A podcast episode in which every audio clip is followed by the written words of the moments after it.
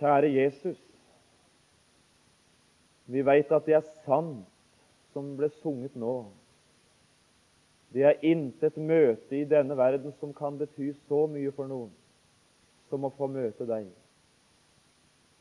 Det ord du taler, Jesus, den kjærlighet som en møter hos deg, det du har beredt for alle de som møter deg, det er ikke å finne andre steder. Kjenner slik trang, Jesus, for min egen del til å takke for det, at jeg fikk møte deg slik en gang, at du er min, og at jeg får være din. Og Vi ber også for denne timen og for denne dagen kunne mange på bibelkurset få oppleve det, et nytt møte med Jesus. Og møte med deg, det gjorde oss godt, Jesus. Vil du møte oss gjennom denne timen og tale det enkle, stillferdige, men sterke evangeliet inn i et urolig og hvileløst sinn? Møt den enkelte av oss, hvem vi enn er, og hvordan vi enn har det, med noe godt fra himmelen. Amen.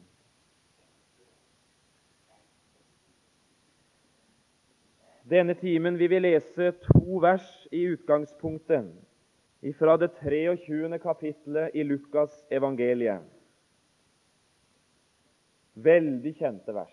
Og jeg må jo nesten si det både med tanke på emnet som jeg har hatt for alle timene, og også for denne timen, at det er jo, det er jo nesten dristig, altså, å ta så kjente ting fram i åtte timer som jeg har gjort. Og Allikevel så, så, gjør jeg det med en viss frimodighet, iallfall.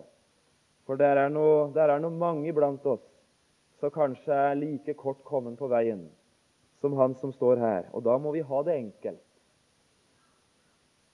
Vi leser vers 32 og vers 33 i Jesu navn. Lukas 23, vers 32 og 33.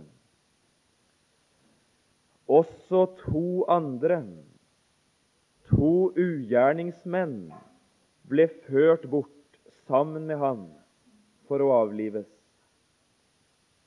Og da de var kommet til det sted som kalles hodeskallen, korsfestet de der både han og ugjerningsmennene.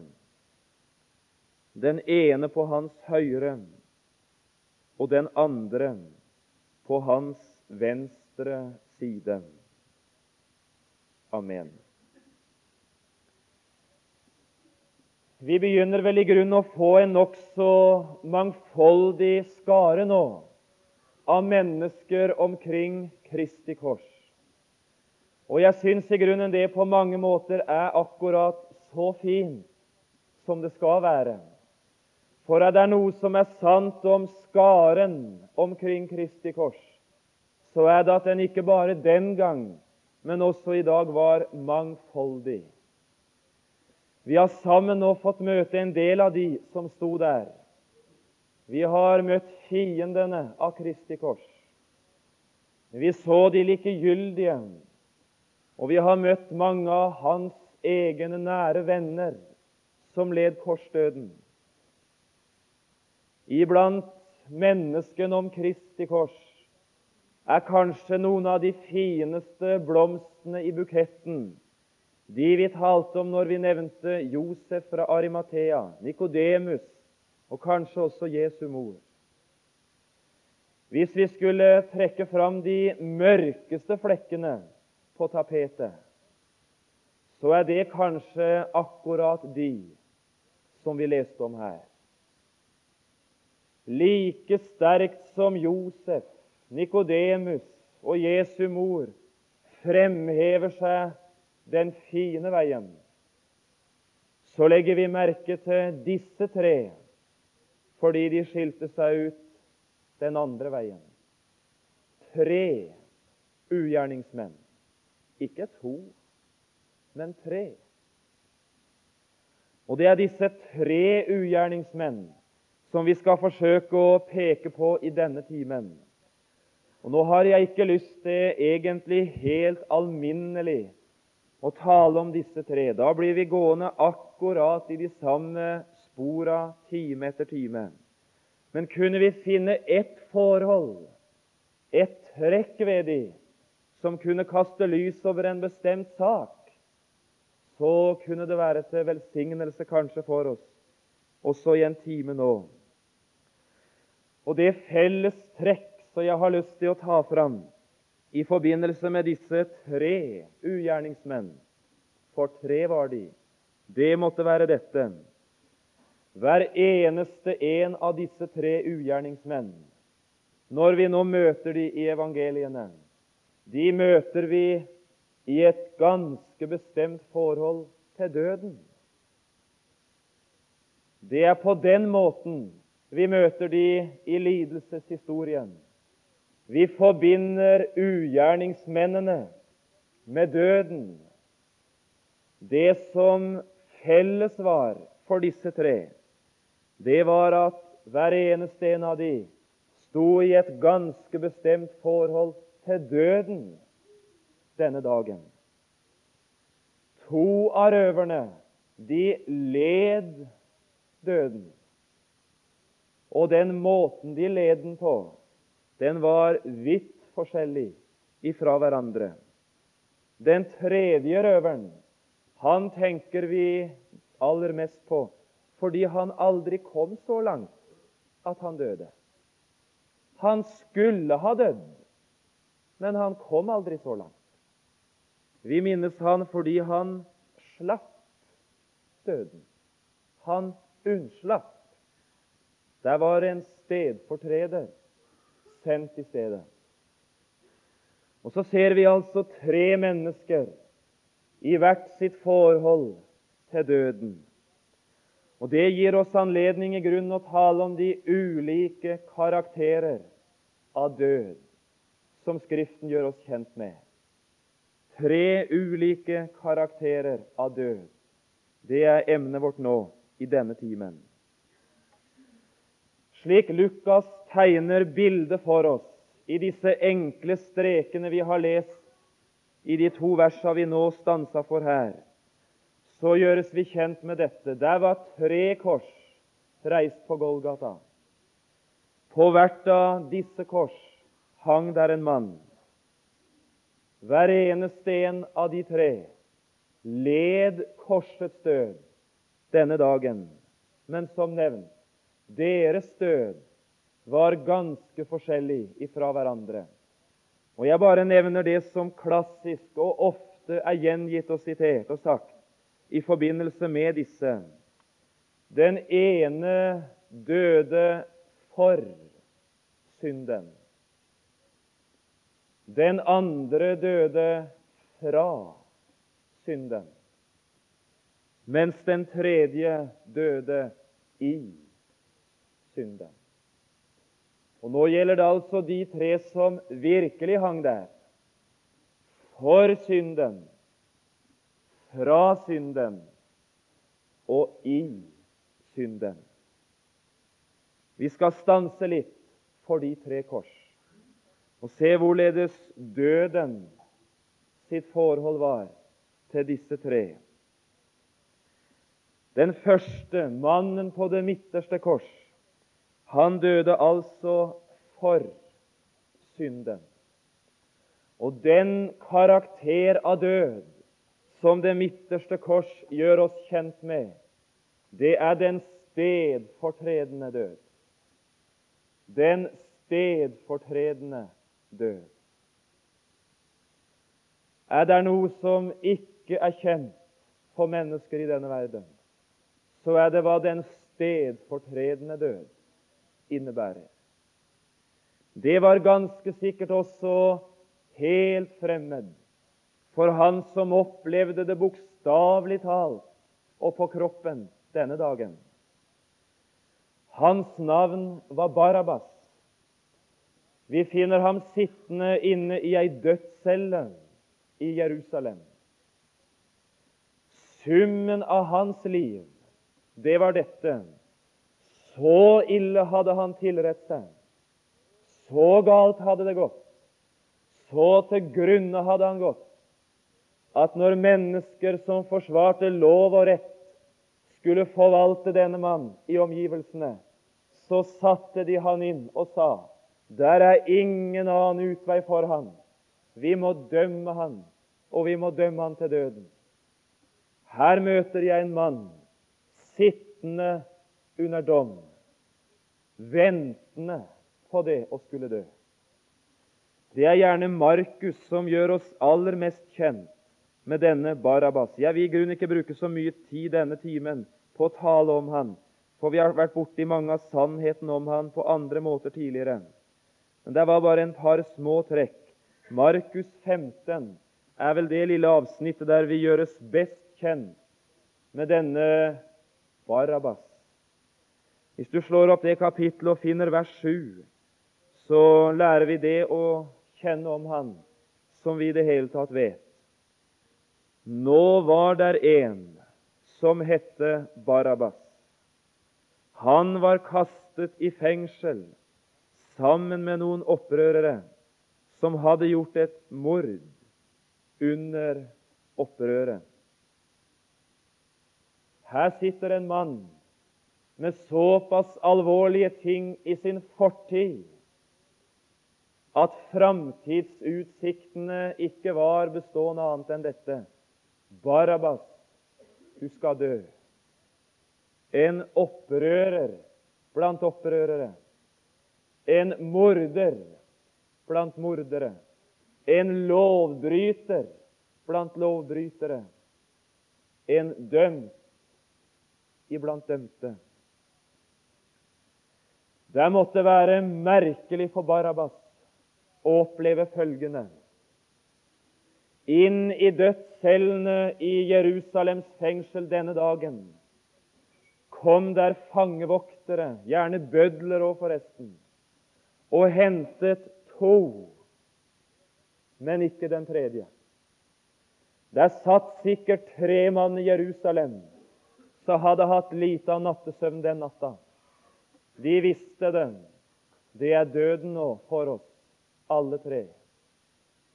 Det måtte være en merkelig følelse for han som satt igjen, da de tok de to, men lot han igjen.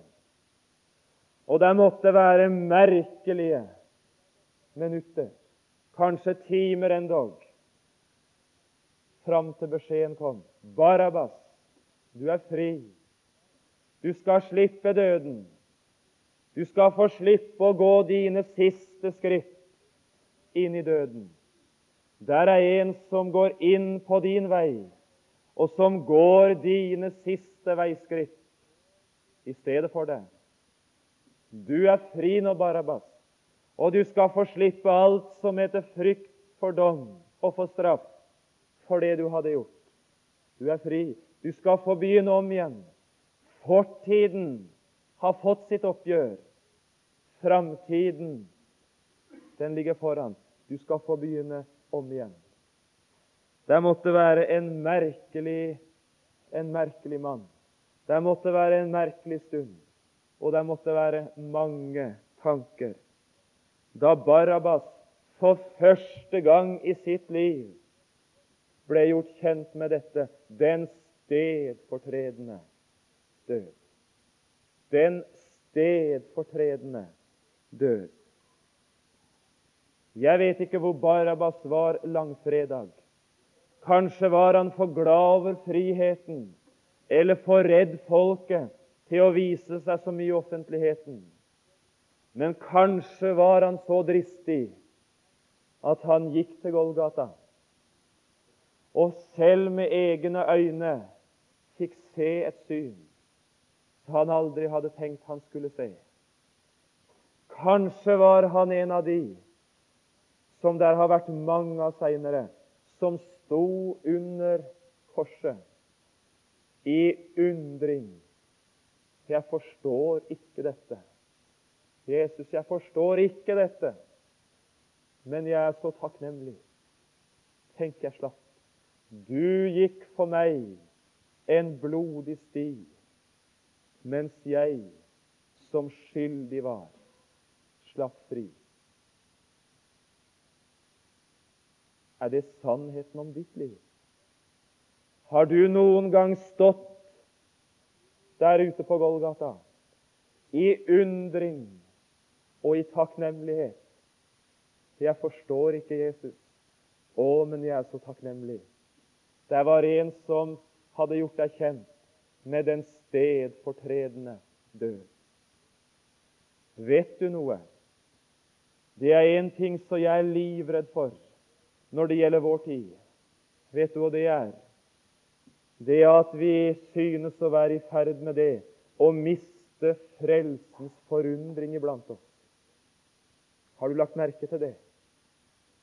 Hvor lite det finnes av frelsens forundring lenger. Hvor ofte hører vi ikke det slik? Jo, det er jo klart vi må ha Golgata. Det er jo selvfølgelig vi må ha Jesus og Jesu død og oppstandelse. Det er vi jo alle enige om. Men det er da så mye mer. Dette her er jo bare det første skrittet. Der er jo så mange sannheter, det er jo så mange ting. Og uten at en del bevisst ville sette det til side, så fikk evangeliet om en stedfortredende død ikke lov å spille annenfiolin engang. Det har blitt så selvfølgelig. Det har blitt så alminnelig å høre om et kors og om en død for noen at det ikke lenger er i stand til å forundre hjertet. Stakkars kalde hjerter. Stakkars mennesker som har mistet frelsens forundring. Kjære bibelkursdeltaker og tilhører nå, du har vel ikke mistet frelsens forundring. Du opplever vel stunder av og til der du må sette deg ned og si er det sant at Jesus er min broder, og at himmelens arv meg hører til? Er det sant? Du har vel ikke slutta med dette? Å, jeg undres hvorfor Jesus stanset meg åt meg tok. Han forlot meg mine synder, skrev betalt i livets bok. Der forundringen er borte, er det i alle fall ikke nye sannheter du trenger. Og du må tilbake til Han som gjorde deg kjent med den stedfortredende død. Frelsens forundring. Og Jeg vil ikke si så veldig mye mer om han som slik unnslapp dommen og fordømmelsen fordi en annen gikk inn i hans plass. Vi er vel kjent til dels med det, mange av oss. Jeg har bare lyst til å gjøre deg oppmerksom på én ting i din stilling når det gjelder dommen, straffen og døden. Å være en kristen, det er å være noe mer enn en frigitt det er å være en frikjent. Vi sier av og til til hverandre det er godt å være en benådet synder. Og det er altså en sannhet, det.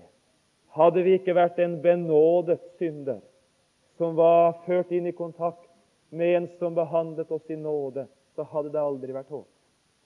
Men jeg vil så gjerne si å være benådet, å være frigitt det er egentlig ikke det beste uttrykk for mitt forhold til dommen og til døden. Det som nemlig er sant, det er at den benådede, han fremdeles er og var den skyldige. Fremdeles så står han som fortjent til dom. Men når han slapp unna, så var det bare fordi noen viste særlig godvilje og lot han gå. Han kommer aldri unna det. Du er en ugjerningsmann. Og hadde rett skulle ha vært rett, så hadde du vært i en ganske annen stilling enn du er, men du ble benådet. Altså, å være frigitt, det er jeg kommer aldri riktig unna. Du var skyldig, og skulle rett ha vært rett, så var du dømt skyldig. Å være frikjent, det er noe annet. For det mennesket som er frikjent, han har fått alle sider ved sin sak belyst.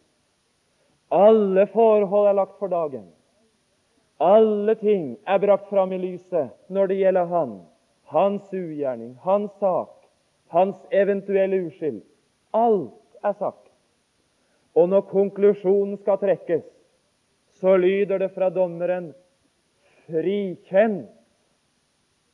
Og da vet vi han var anklaget. Han var prøvd. Men det viste seg han var uskyldig. Å være frikjent, det er én gang for alle å ha fått den attest. Du er fri all anklage. Du er reinvaska. Når alt er brakt i lyset, så er det ingenting lenger som kan brukes imot deg. Å være en kristen, det er å være mer enn frigitt. Du skal få slippe å gå og tenke slik hadde rett vært rett, så var du den. Du skal få lov å tenke, si, synge og juble, du. Jeg er frikjent for Jesus skyld. Rett skjedde fyldes. Gud viste sin rettferdighet. Ja, han viste at han selv var rettferdig endog, når han frikjente synderen og sa aldri mer Aldri mer skal noe kunne brukes mot deg slik at det skal trekkes tvil om din uskyld. Å være en kristen er å være frikjent for Gud. Det er ingenting ifra min fortid, ingenting ifra mitt liv, ingen av mine forsømmelser, ingen av mine fall, som lenger er av en slik karakter, der de er lagt for dagen, brakt fram i lyset, at de er årsak til fordømmelse og til dom. Jeg vet ikke om du griper det der, men jeg har så lyst til å si akkurat det. Når Gud frikjenner et menneske for Jesus skyld, så firer han ikke på sin rettferdighet. Men det verk han gjorde i Kristus for oss, da han dømte en skyldig, en uskyldig for skyldig, og frikjente den skyldige, det er et verk av en slik karakter at han viser sin rettferdighet, endog når han gjør sånn. Der skal vise seg evigheten du er rettferdig, Herre, i alt hva du gjør. Tenk, han var rettferdig, firte ikke på et eneste, et eneste trekk og krav. Men han viste sin rettferdighet, og i sin rettferdighet så frikjente han. Du skjønner hvorfor. Du skal få et gammelt salmevers av Petter Dass i denne sammenhengen. Vi kan vel ha godt av minne hverandre om et salmevers òg. Og Det husker du sikkert når vi nevnte salmeforfatteren. Du Nei. Ja, Nå detter det helt vekk på meg her. Av og til så, så, så dumper det vekk. De en gang avhandlede saker. Man atter for retten ei drager i Skriften ei heller befales at gjelden skal to ganger betales. Det er det som er evangelieordet om den stedfortredende død. Det var ditt liv det dreide seg om på Golgata. Det var din synd. Det var din straff. Det var din evighet. Det var ditt spørsmål om lykke eller ulykke, om frikjennelse eller dom. Det var deg som var på Golgata, Jesus. Og det var straffen over ditt liv, dommen over din synd, behandlingen av deg vi så, der han hang mellom himmel og jord, som bar navnet Frelseren. Hva så Gud i Kristi kors? Han så han John Hardang, og det var ikke noe vakkert syn. Han så all synd all forsømmelse. Han så naturen min, han så hele meg. Og så behaget det Herren, er forferdelig sterkt, å knuse ham. Det var mitt liv, min synd, som fikk sitt endelige oppgjør ved Golgata. Og når Gud har fått oppgjøret, ja, brakt oppgjøret, da, da trenges det ikke noe mer oppgjør når, når betalingen er brakt, så kreves det ikke mer betaling. Når, når dommen er falt, så kommer ikke saken opp igjen. Den endelige dom, den, det, det ble denne. Sønnen, den uskyldige, ble dømt skyldig.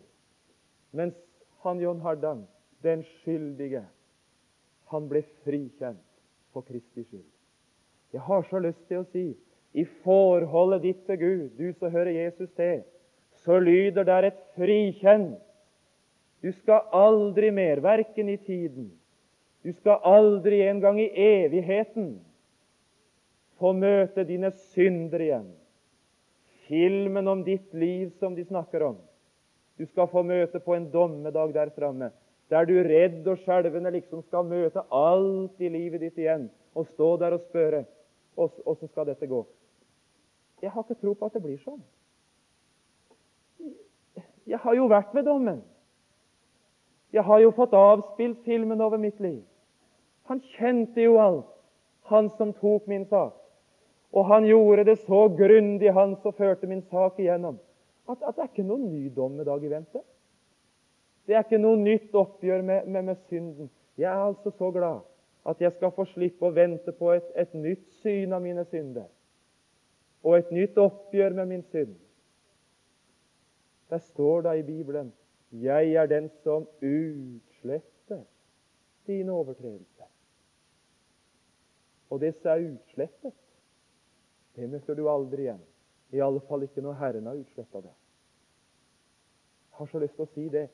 Din synd, deg selv, alt du kan tenke på å ikke bli kvitt her i verden, det kommer aldri mer på bane blir aldri mer brakt inn i forholdet mellom deg og Gud. Det er avgjort, det. Du er frikjent én gang for alle. Den stedfortredende død, det er nøkkelen. Og nå brukte jeg jo litt tid på det. Det andre kors, det var der han hang, som døde fra synden. Her ser jeg en som gir meg lys over hva den troendes død er for noe. Den stedfortredende død, det er forutsetningen. Den troende død, den troendes død, det er frukten. Å dø ut ifra denne verden som en troende, det er lykke. Og Jeg har så lyst til bare å gjøre deg oppmerksom på et ord der du står foran de tre kors ser til den ene og til den andre sida. Du skal i alle fall ikke være i tvil om hvilken vei du skal se for å få det godt. I Predikeren 10 og vers 2 her står der et lite trekk. Det kan du bare notere deg, for det, det er altså så fint. Predikeren 10.2. Den vises hus er vendt til høyre, men dårens hus til venstre. Den vises hus er vendt til høyre. Her er det visdom. Her er det rikdom. Her er det lykke. Til venstre er dårens hus. Her er dårskap. Her er undergang. Her er ulykke. Her er fortvilelse. Du skal i alle fall ikke være i tvil om hva vei du skal se for å få det godt både i dette liv i dødsstunda og i evigheten. Den vises hu er vendt til høyre. Den vise seg gjort vis i kraft av Guds visdom. Han hang der, en røver. Han slapp ikke unna. Men da han møtte døden, så var han ferdig til å møte den. Da han ble brakt inn i nær kontakt med dette livstråden i denne verden, ble kutta. Da var han ferdig til å ta det skrittet. Å dø rett, at forholdet til døden blir rett, det er betinga av at forholdet til Jesus er rett. Det var det ikke for denne før. Men i tolvte time, som vi sier, så får han ordnet sitt forhold til Jesus så grundig så enkelt og så fint at forholdet til døden endog ble rett for ham. Det er sagt noe om uh, disse to kors, så jeg bare har lyst til å sitere. Det fortelles i Bibelen bare om én omvendelse i dødsøyeblikket. Én for at ingen skal fortvile, men bare én for at ingen skal lulles i søvn ved det. Det er viktig. Å, men der er noen i dag som utsetter det å søke Jesus. Som skyver det foran seg. Jo da, det skal nok bli en gang, men ikke nå. Når jeg blir sjuk, kanskje. Når jeg blir gammel. Eller når jeg skal dø. Da. Det er jo da det gjelder. Men ikke nå. Kanskje er det det beste vitnesbyrd fra mennesker om at, at, her er det noen som aldri har forstått hva det er å leve med Jesus. De har aldri skjønt og det er å leve som en kristen. Jeg har lyst til å bare nevne en liten ting. Jeg fikk meg altså ei lekse for to år siden. Jeg har aldri i mitt liv vært sjuk. Jeg har omtrent ikke vært sjuk. Jeg har hatt litt influensa og småtteri, men det har vi jo alle hatt. Men for to år siden da fikk jeg meg altså en smell. Da gikk blindtarmen min bort og sprakk og den sprakk så grundig at bukhinna ble betent temmelig overalt. Og Så fikk jeg meg 14 dager på sykehuset på Notodden, der jeg gikk gjennom bitte lite grann av det å være sjuk. I forhold til mange andre så var det bare et drøtt. Men for meg som aldri hadde vært sjuk, så ble det iallfall en erfaring av hva det er å være sjuk. Og jeg lærte én ting da jeg var på sykehuset de 14 dagene på Notodden, at å omvende seg til Gud å begynne å tenke på Han om en ikke har gjort det før, når en er sjuk, det er det sannelig ikke så enkelt å få til. Nå kan det være noen som syns at, at, at fasaden på han som står her, slår store sprekker, og at han er mye mindre from enn du hadde tenkt. Men det, det, det spiller ikke så forferdelig rolle. Men nå skal jeg si åssen jeg hadde det på det sykehuset de 14 dagene. Jeg åpna ikke Bibelen min i 14 dager. Ikke én gang gjorde jeg det. Og skal jeg fortelle deg hvorfor? Det var ikke fordi jeg var trøtt den, eller lei den, eller ikke syntes den passa. Vet du hva grunnen var? Jeg orka ikke, rett og slett. Jeg hadde ikke overskudd til det. Hadde ikke kraft til det. En hadde så nok altså med det som gjorde vondt, og det som holdt på å herje i kroppen, at en var ikke i stand til det. altså. Vet du hva jeg lå med de 14 dagene? Jeg lå og tviholdt på ett eneste bibelord. Og i den grad jeg kunne minne meg sjøl om det, så gjorde jeg det av og til. Men det var ikke så ofte. Det var Jeremias 29,11. Vet du hva der står? Jeg vet de tanker jeg tenker om dere, sier Herren. Fredstanker, ikke tanker til ulykke. Jeg vil gi dere framtid og håp. Og så lå jeg med dette ene. Herre Jesus, nå er jeg ikke i stand til å tenke på deg. Det vet du bedre enn noen. Ikke har jeg kraft til det. Ikke har jeg klarhet til det. Og så lå jeg med dette ene. Takk for vissheten om at du tenker på meg, selv om ikke jeg makter å tenke på deg. Kjære troende venn. Det er det viktigste av alt. Når en ikke selv kan, når en ikke selv er i stand, når en ikke selv makter lenger å få hvile i Guds tanke. Jeg vet de tanker jeg tenker om dere. Han tenkte på meg, til og med når ikke jeg tenkte på ham. Du skal ikke omvende deg og vente med det om du sitter der som uomvendt til du blir sjuk eller gammel eller hva det er for noe. Det du skal gjøre, skal du gjøre mens du kan tenke. Og Jeg tenker av og til på det også når jeg er på et gamlehjem. Det blir litt praktisk, dette her, men det kan, kan jo være et glimt. Jeg har alltid to følelser i kroppen når jeg er på et gamlehjem, eller på et aldershjem, eller hva du kaller det for noe. Det ene som jeg alltid opplever, det er det at hvis jeg skulle spekulere i åndelig velsignelse, så ville jeg gå på gamlehjem hver dag. Hvis jeg skulle leve et liv der en liksom følbart kunne merke velsignelse, så ville jeg hver eneste dag besøke noen gamle, snakke med dem, synge litt for dem og oppmuntre dem. Det, det er litt tiltak å gå, men du verden hvor godt det er når du går hjem. Du, så, du som lever et velsignelsesfattig liv, syns, syns du, bare begynn å besøke de gamle. Og les evangeliet for dem, samtale med dem, og du skal altså få mange gode opplevelser. Det er det ene jeg har i kroppen. Men vet du hva det andre er? Det er dette. Så fortvilt. Forkynne evangeliet kan du. Synge kan du gjøre for dem. Dele det enkleste og det fineste og det beste du har for dem, det kan du gjøre. Men så sitter der noen. De hører ikke lenger. Ikke ser de noen. Tanken er sløvna. Noen er helt bortreist. Og så tenker en på her sitter der noen som ikke har tanke på Jesus. De har aldri brydd seg. Åssen skal det gå med dem? Nå er sanseapparatet sløvna av. Nå er mottagerapparatet nesten ute av drift. Åssen kan de bli frelst? Det må vel gjerne et dobbelt under til. Jeg sier ikke det er umulig, altså. Men du og vanskelig når, når alt er redusert. Å omvende seg til Gud når en blir gammel, det er altså ikke spøk. Du har aldri så god anledning til å tenke på Gud som når du er ung. Og Det vil jeg si, altså, det fryder meg hver gang jeg er på bibelkurs og ser alle, alle oss unge, må jeg nesten si, alle dere unge. Vet du hva der står i Bibelen?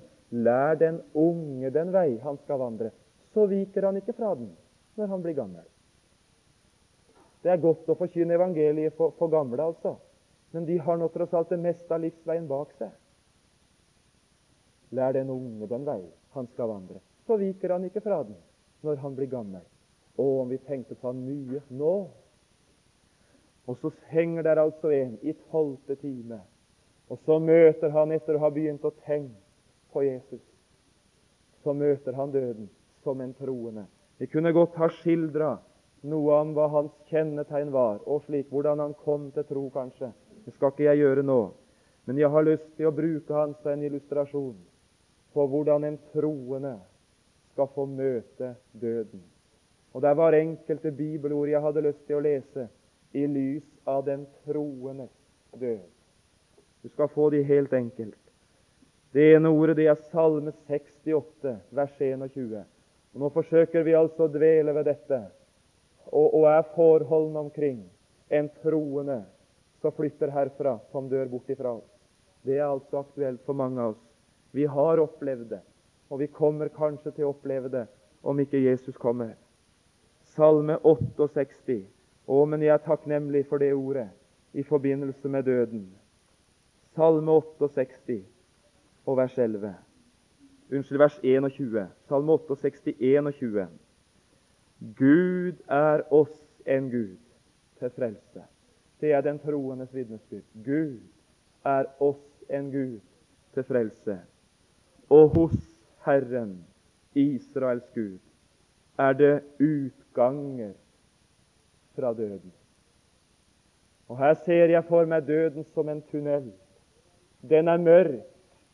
Den er ukjent for meg, for jeg har aldri vært inne i den.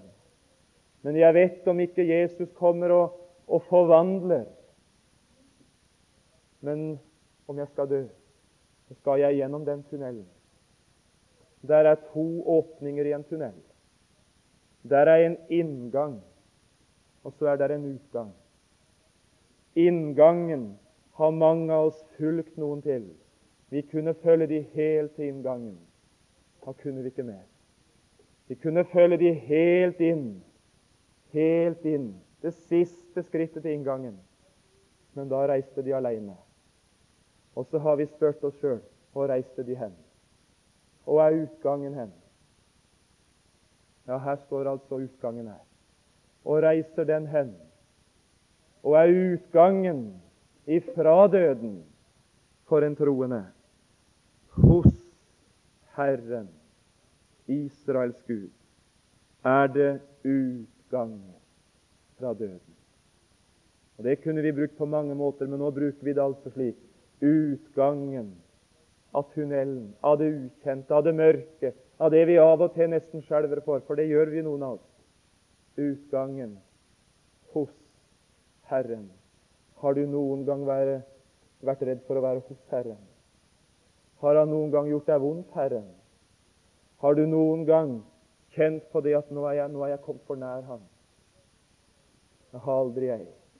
Og er det ett sted så jeg har hatt det godt, så er det hos Herren.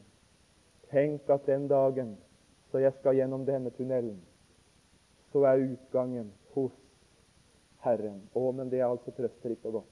Hos Herren. Det andre ordet, det er altså et fint ord. I Salme 116. Det er det sikkert noen som kanskje ikke har lagt merke til. Men nå skal du få et, et rart ord. Salme 116 og vers 15. Kostelig i Herrens øyne er den frommes død. Kostelig i Herrens øyne er hans frommes død. Når en troende flytter herfra, så skjer det noe som er kostelig for Gud. Dyrebart. Noe som er verdifullt. Her skjer det noe av verdi. Kostelig for Herren. For oss så er det den største fattigdom å oppleve å miste noen av våre i denne verden. Det er så visst ikke dyrebart, men det, det, det er vondt. Men kostelig for Herren er den frommes død. Mange av dere som sitter her, som er gårdbrukere, vet at i fjor da var det vanskelig å få avlingen i hus. På grunn av vær og nedbør og slik så sto der store areal, store områder, som vi skulle hatt i hus og høsta inn, men som vi ikke fikk det til fordi det lot seg ikke gjøre. Det var for mye nedbør og elendighet. Det ble stående. Jeg møtte en fra Vestfold for ikke så lenge siden som fortalte naboen hans hadde mista 80 000 kroner i verdi fordi han fikk ikke sitt i hus. Og Da tenkte jeg sånn Du og dyrebart er for meg det jeg fikk i hus. Hva er det som skjer når en troende flytter herifra? Da er det litt av avlingen som berges i hus. Det er en som kom igjennom denne verden, og som Herren fikk bevare. Nå høsta han frukten inn, enda en frukt som lønn på sin smerte. Og jeg ser for meg det fra himmelens synsvinkel, når en, når en troende ligger der og skal gjennom dødstunnelen, over dødsferga om du vil, over, så er det noe i himmelen. Nå, nå kommer enda en av de. Nå kommer enda en av de. Nå kommer enda en for hvem Kristi død og smerte ble til liv og til frelse. Her kommer enda en tilbeder. Her kommer enda en. Kostelig i Herrens øyne er hans fromme død. Det er dyrebart for Gud, det som skjer når en av hans flytter hjem. Han har vel aldri hatt de så nær som da. Og Det er bare et lite hjertesukk akkurat i det kostelig. Jeg vet ikke om det er, det, er, det er, helt ut riktig å si det, men jeg sier det likevel stille. Av og til så syns jeg det er godt å tale med Gud om den dagen jeg skal dø, hvis jeg skal oppleve det. En ser av og til en og annen troende som i det siste, på dødsleiet kanskje, blir så redusert og satt ut av drift at det nesten er en påkjenning for familien å være til stede. Der sitter altså noen her som hadde en som du fulgte ved et dødsleie. De hadde bekjent Jesu navn gjennom et liv. De hadde avlagt sine vitnesbyrd av Herren. De hadde sunget om Han. Og de hadde vært av de som hadde løfta Jesu navn fram. Og på en måte som altså hadde gjort deg godt mer enn én en gang. Nå lå de der og snakka stygt. De, de, de banna noen av de altså. De lå der og, og oppførte seg på sitt dødsleie. Du hadde aldri drømt om at du skulle oppleve sånt. Det er noen her som har opplevd det, eller som kjenner til det. De, de, de er årforkalka, som vi sier, og de ligger der uten at vi har, har, har skikkelig sindig kontakt med dem. Og så flyter altså ting ut ifra dem som vi aldri hadde, hadde tenkt kunne finnes. At de kunne ta sånne ord i munnen sin. At de kunne snakke som de gjorde. Og der finnes en del troende som blir voldsomt anfekta av det. Der kan komme en Og er dem han far? Han falt bort ifra Gud? Altså, han sier så mye fælt. Det hadde vært bedre å miste han før dette her. Det er så grusomt å være til stede. Og er dette for noe troende venner? Jeg skal si akkurat hva det er. Har de falt bort ifra Gud? Nei, det kan du stole på at de ikke har. Reiser de trygt hjem? Ja, det kan du være sikker på de gjør. Men vet du hva forskjellen på dem og på oss er? Det at vi har noe fint som heter hemninger. Vi har noe fint ved vårt menneskelige apparat, og gjerne også åndelig sett, som heter hemninger. Det gjør at ikke alle tankene våre flyter ut i form av ord. Det gjør at vi heldigvis ikke alltid sier det vi tenker. At de vet alt om oss til bunns. Disse her er hemninger. Å, men det er fint. Det er det han som er full, begynner å miste. Han mister hemningene, og så blir det hemningsløse. Så kommer det ting da som en aldri hadde hørt ellers. Og vet du hva denne reduserte, døende, troende venn har opplevd? Han har ikke lenger den motstand. Han har ikke lenger de hemninger. Nå flyter det helt fritt ut, slik som det gamle mennesket, sånn som det gamle sinn, sånn som han var naturlig. Du, hvor mye skitt det er i oss. Tenk alt vi har sett bare ved et tilfeldig blikk inn i en kioskforretning der det er porno hele veien. Tenk alt vi har hørt bare ved en tilfeldig bemerkning så er oppfatta, og som ligger i underbevisstheten. Tenk om det skulle komme fram i oss, alt som er her. Han kan ikke mer, han som ligger der. Nå flyter det bare fritt ut. Jeg har så lyst til å si han reiser trygt hjem. Det kan du være sikker på. For der er ingen av oss som blir frelst fordi vi var gode, eller fromme eller fine. Alle ble vi frelst av nåde for Kristi skyld. Og det skal han bli, også han som ligger der, og som tilsynelatende vanærer og ikke ærer. Jeg må bare si det av og til, så, så må jeg tale med Gud og, og, si La meg aldri få oppleve det. La meg aldri få Du må hente meg hjem, altså, før jeg blir liggende på den måten. Jeg vet ikke om det er rett, men jeg har noe sånt. Om jeg kunne ære Han også i dødsøyeblikket mitt, ikke bare i livet. Og bare et spørsmål slik Vi skal øyeblikk være ferdig. Det er et spørsmål som vel var berørt så vidt på kurset i fjor, men jeg har bare lyst til å nevne det igjen. Og det har vært så godt for meg å tenke på ofte. Når en kristen dør, og går han en dag Vi nevnte utgangen av hos Herren. Men når kommer han dit? Når vi følger en av våre til graven, og, og går de hen? Vi hører så mye. Noen snakker om en mellomtilstand, et venterom. Noen taler om et dødsrike. Noen taler om oppstandelse på den ytterste dag, og så må det være langt fram dit. Når vi mister en av våre, hvor går de hen? Jeg syns altså det skulle være enkelt evangeliet. Andre Korinterbrev 5. Og Nå skal vi lese et stille ord. Nå skal du ikke være i tvil, du som sitter her. Og de reiste hen, de som du måtte se flytta ifra deg. Andre Korinterbrev 5, vers 8. Vi er altså frimodige og vil heller være borte fra legemet. Borte fra legemet og være hjemme hos Herren. Borte fra legemet. Jo, det vi fulgte til gravstedet det var et legeme som ble lagt i grav. Men hvor er han hen som vi fulgte? Hvor er henne hen som vi tenkte på akkurat da, da tårene rant, og da savnet nagde, der vi så dette hvite ble senka av jorda? Hvor er de hen? De er borte fra legene. De er hjemme hos Herren. De har aldri vært så nær Han som de er nå. Og Det er også sånt et fint ord i Filipperne 1. Det er det andre ordet her. Filipperne 1. Der sier Paulus For meg så er livet Kristus og døden en vinning. Og så sier Paulus ja, Det er så jeg står i dilemma, sier. Det er som jeg slites nå til to kanter. Det er som det drar i meg fra to verdener. Så sier han,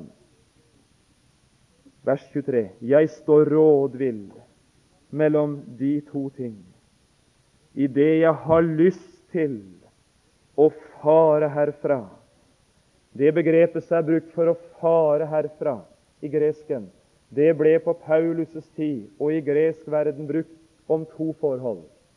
Det ble brukt for det første når en båt lette anker og la fra land.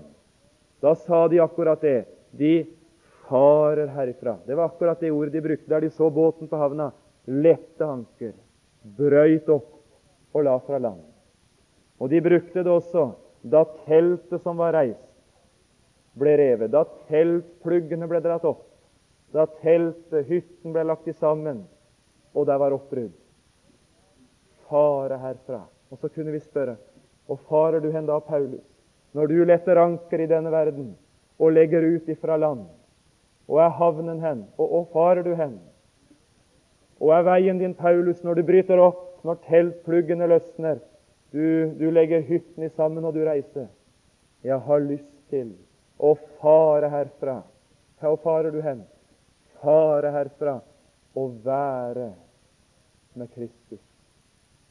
Være med Kristus. De er hjemme hos Jesus, disse har reist, og som hører nådens fra vår tid til. Jeg kan du stole på. Og da har jeg et hjertesukk til slutt her, før jeg, før jeg sier amen. Nå er jeg personlig, og det får dere tilgi hvis det er vanskelig for dere å ta. Da jeg var 15 år, så mista vi far hjemme. Det er den gangen jeg har vært mest i nærkontakt med døden. Siden den gangen så har vi hjemme på Notodden, både mor og meg og broren min som bare var ti år, gjort det som mange av dere også sikkert av og til har gjort. Vi har savna, og vi har ønska å, om vi kunne hatt han litt lenger. Nå er jeg bånn ærlig, og så sier jeg det.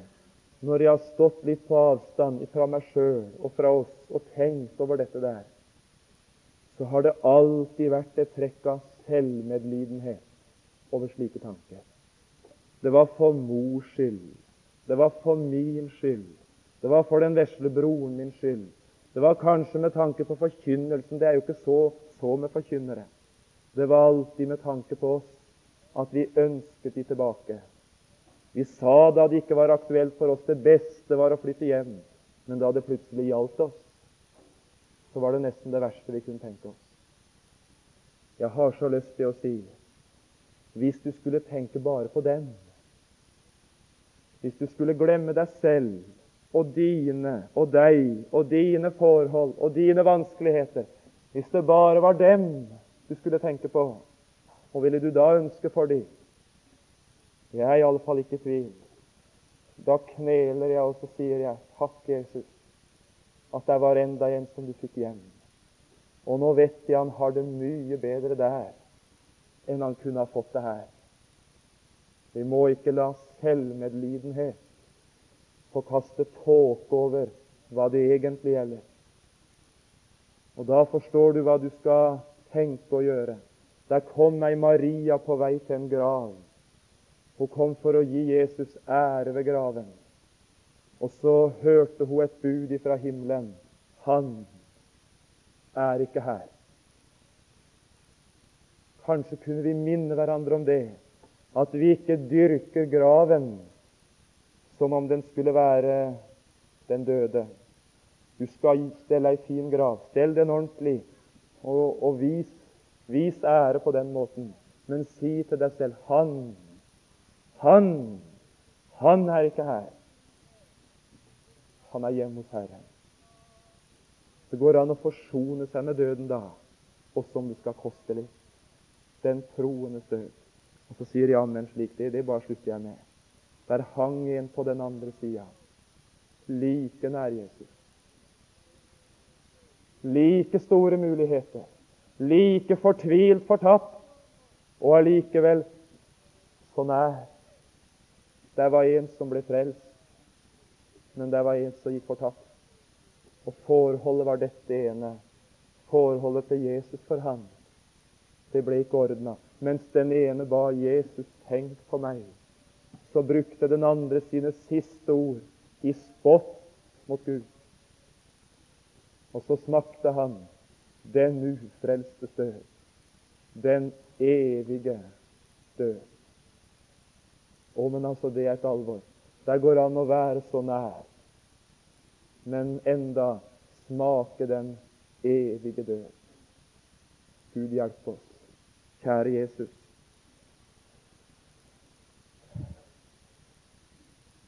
Takk at du døde for oss. Takk for din stedfortredende død.